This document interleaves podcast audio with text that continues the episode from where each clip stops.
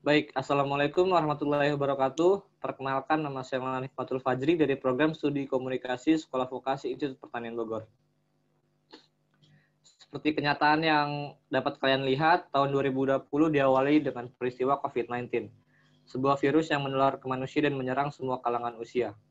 COVID-19 menyerang ke seluruh dunia sehingga kondisinya bisa disebut sebagai pandemi. Akibat pandemi tersebut, banyak negara di seluruh dunia terkena dampaknya di berbagai sektor, Salah satunya pada sektor pendidikan termasuk Indonesia.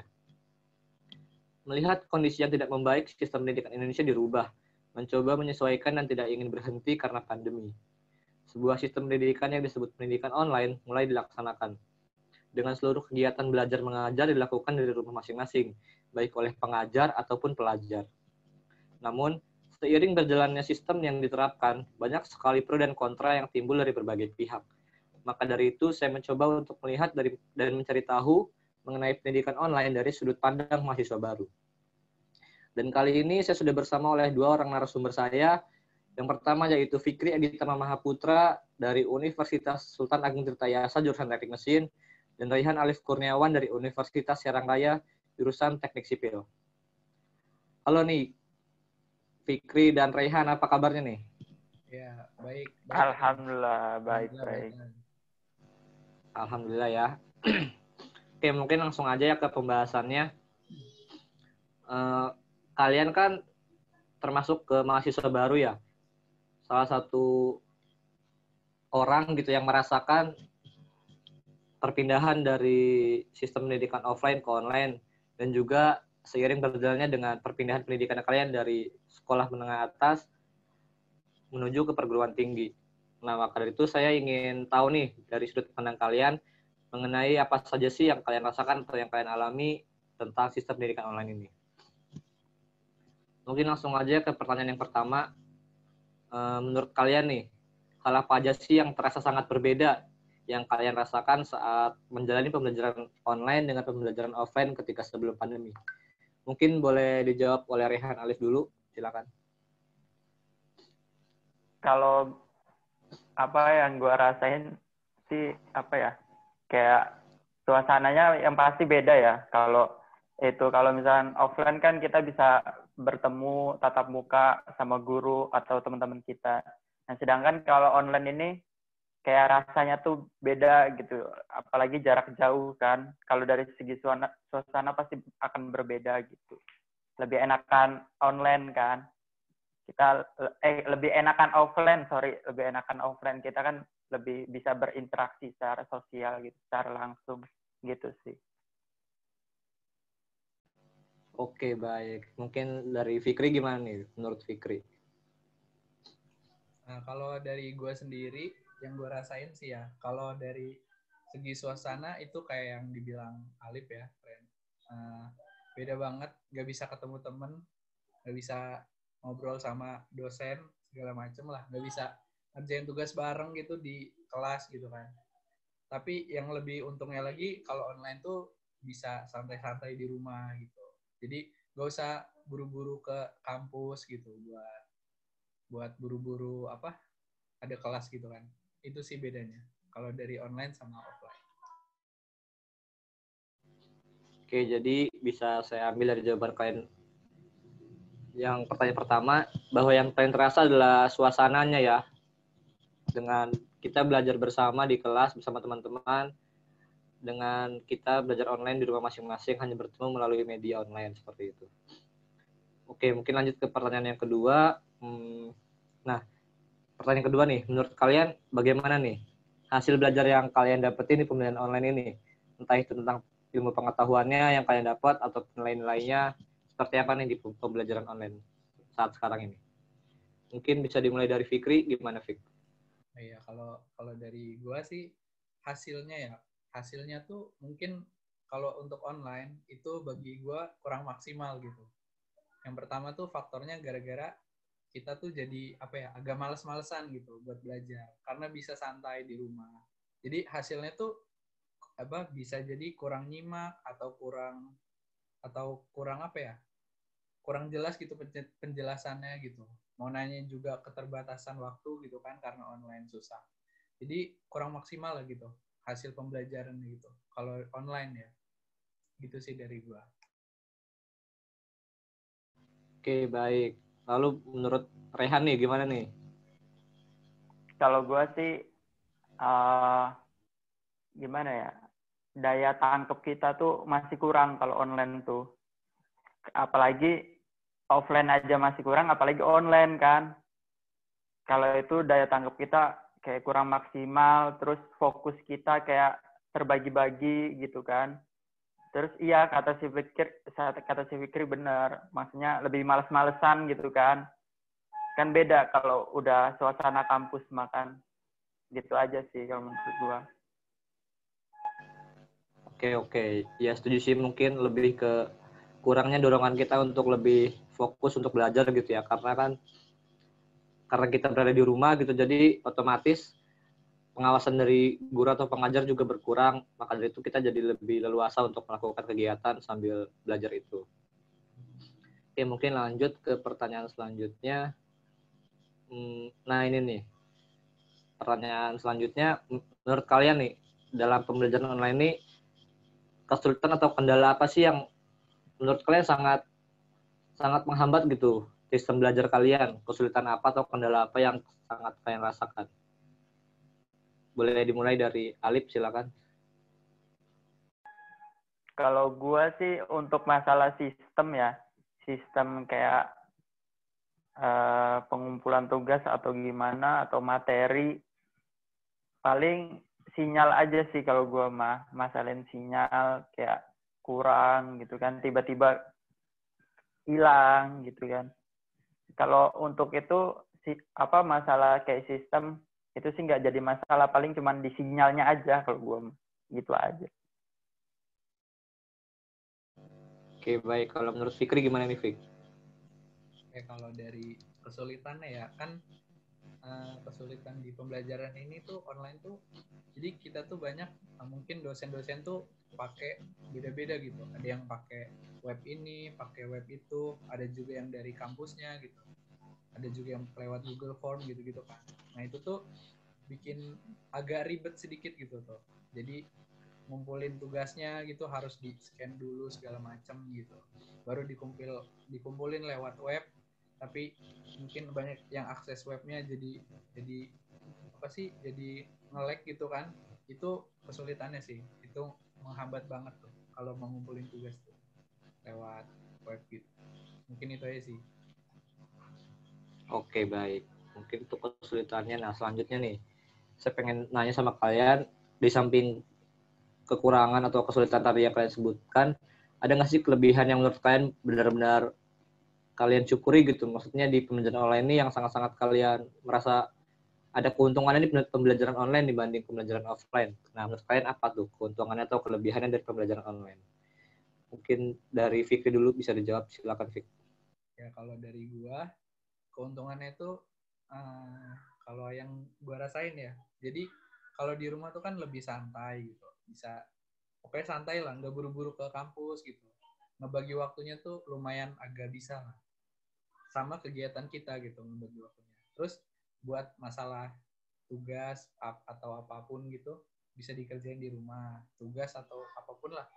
Terus masalah makan gitu kan makan jadi di rumah aja gitu nggak usah di luar gitu. Itu kelebihannya sih jadi bisa santai gitu itu aja sih. Oke ya betul ya buat makan jajan bisa lebih hemat ya kalau di rumah ya. Oke kalau menurut Alip gimana nih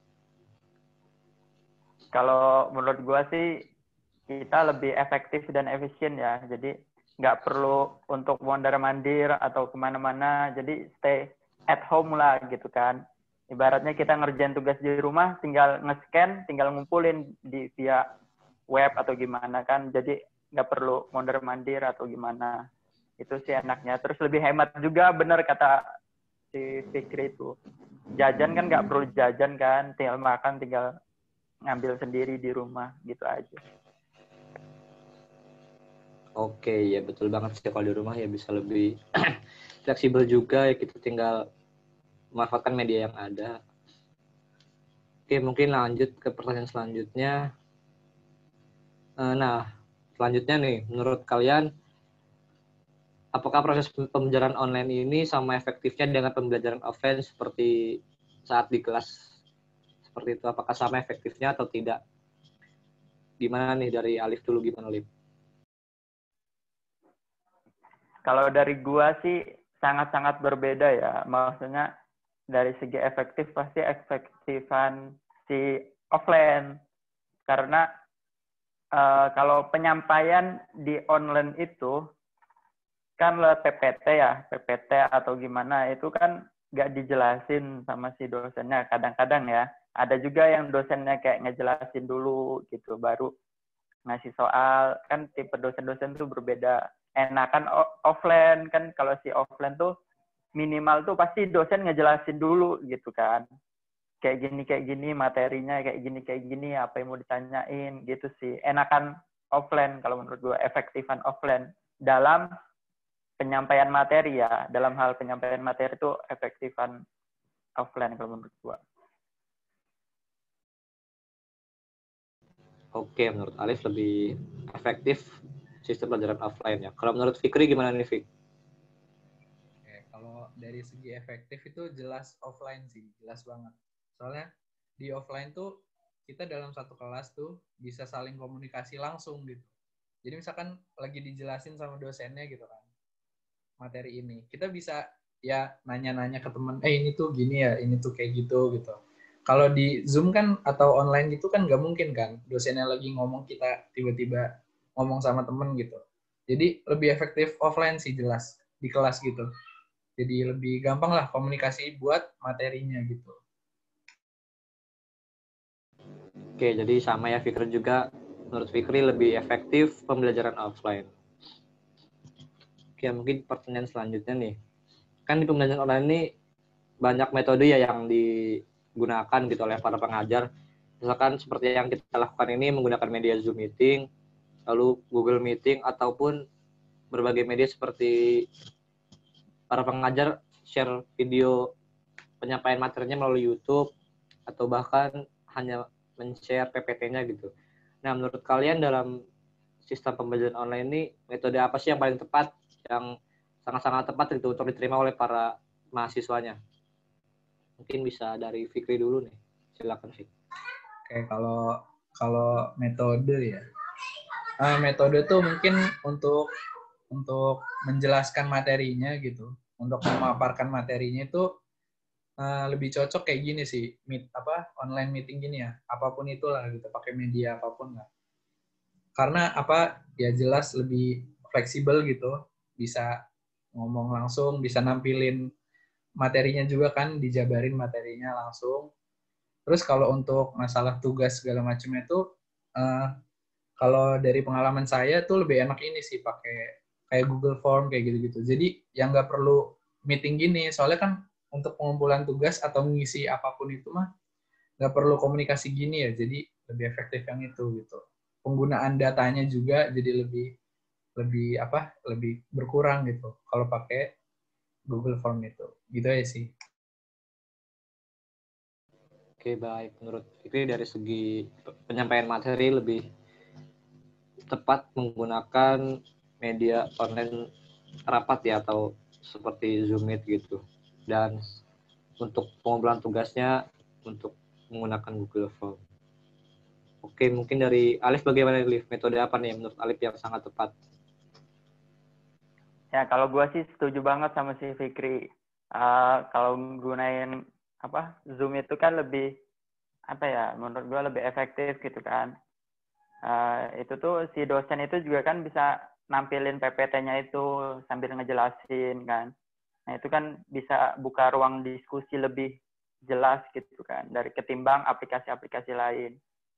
Nah terus untuk mungkin untuk dari segi materi minimal ya minimal dosen tuh ngasih walaupun nggak zoom atau gimana minimal tuh ngasih video pembelajaran misalkan di grup WhatsApp atau gimana di grup kelasnya minimal ngasih video pembelajaran lah tentang materi yang diberikan gitu sih kalau menurut gua. Oke. Mungkin ini pertanyaan satu pertanyaan se sebelum menuju ke pertanyaan terakhir ya jika kalian diminta nih buat nyebutin satu kata yang menggambarkan pembelajaran online menurut kalian, apa nih? Satu kata aja ya yang menggambarkan pembelajaran online. Mungkin dari Fikri dulu boleh, Fik. Satu katanya apa, Fik? Nah, satu kata ya, satu kata. Nah, ini sih, ribet kalau online tuh ya. Satu kata aja itu, ribet. Oke, jadi satu kata yang menggambarkan pembelajaran online menurut Fikri adalah ribet. Oke, selanjutnya menurut Aib apa nih satu kata yang tepat untuk menggambarkan pembelajaran online? Pusing. Pusing, siap, siap. Oke, langsung aja kita nih ke pertanyaan terakhir ya. Uh, pertanyaan terakhir adalah apa apa sih harapan kalian ke depannya untuk sistem pendidikan Indonesia entah untuk tahun depan ataupun ke depannya jangka panjang gitu. Intinya harapan kalian untuk sistem pendidikan Indonesia ini bagaimana? Mungkin mulai dari Alip, harapannya apa nih, Kalau harapan gua sih untuk sistem pendidikan Indonesia ke depannya supaya lebih merata lagi. Mungkin di Pulau Jawa udah oke okay lah, tapi di pulau lain kan belum tentu gitu. Cara cara ini kan kayak pelosok-pelosok gitu, apalagi online ya. Maksudnya di daerah Jawa aja masih ada yang sinyalnya nge-lag, apalagi di pulau yang lainnya gitu. Mungkin kalau dari segi gue lebih menekankan untuk pemerataan pendidikan terlebih dahulu gitu sih. Dari eh, apa dari tenaga pengajarnya, dari murid-muridnya gitu sih kalau menurut gue. Oke, baik. Lanjut nih, kalau menurut Fikri, apa nih Fik, harapannya buat sistem pendidikan Indonesia? Ya, kalau dari gue sendiri sih kurang lebih sama ya kayak Alif gitu. Cuman paling sedikit nambahin itu di pendidikan Indonesia tuh mungkin uh, apa ya tu, tujuan dari pendidikannya gitu. Kan kalau Indonesia nih tujuannya tuh apa ya semua murid itu disamaratakan gitu. Apa dari ujian nasional gitu kan. Untungnya sekarang lagi nggak ada kan karena COVID ini. Harusnya tuh tujuannya tuh lebih di apa ya? Lebih di runcingin lagi gitu ke masing-masing dari uh, apa masyarakatnya gitu. Misalkan jadi nggak bisa disamaratakan apa ya pendidikan itu nggak bisa disamaratakan. Misalkan harus pintar matematika IPA gitu segala macam lah gitu. Itu susah sih kalau kayak gitu. Nggak apa nggak bakal ada nggak bakal ada kemajuan gitu di Indonesia gitu. Kalau semuanya kalau semuanya ibaratnya kasarnya kalau semuanya jadi dokter siapa yang jadi pasiennya gitu? Kalau semuanya jadi uh, pedagang siapa nanti yang belinya gitulah. Jadi nggak bisa semuanya sama rata pendidikan Indonesia harus uh, berbeda-beda lah sesuai kemampuan uh, masyarakatnya gitu. Gitu aja sih. Oke baik. Mungkin bisa saya simpulkan yang sedikit dari menurut Fikri bahwa semoga pendidikan Indonesia lebih bisa untuk memperhatikan dan mengembangkan potensi yang ada dalam setiap siswa dan jangan memandang rata semua kemampuan gitu. Oke, mungkin sudah ya wawancara kita udah berakhir sini dan makasih juga nih buat Fikri dan Rehan Alif sudah habis apa ya mau menyempatkan waktunya gitu untuk saya wawancara tentang pembelajaran online ini. Mungkin terakhir yang ingin saya sampaikan ada sebuah pernyataan yang sangat-sangat saya setujui atau saya sepakat sekali dengan kata-kata ini. Yang menyampaikan adalah Charles Darwin Charles Darwin, dia menyampaikan bahwa bukan spesies yang paling kuat yang bisa bertahan, bukan pula yang paling cerdas, tapi mereka yang paling responsif terhadap perubahan. Jadi menurut saya di sistem pendidikan online ini di tengah pandemi ini semoga semuanya entah itu pengajar ataupun pelajar bisa tetap melaksanakannya dengan baik gitu bisa cepat beradaptasi dengan berbagai kesulitan ataupun kekurangan yang ada karena seperti yang disampaikan oleh Charles Darwin yang bisa bertahan bukan yang paling kuat ataupun yang paling cerdas namun yang paling responsif terhadap perubahan atau yang paling bisa untuk adaptif beradaptasi. Mungkin itu saja kegiatan wawancara saya bersama dua narasumber saya. Terima kasih untuk dua narasumber saya dan sekian dari saya. Wassalamualaikum warahmatullahi wabarakatuh Waalaikumsalam warahmatullahi wabarakatuh. Oke. Okay.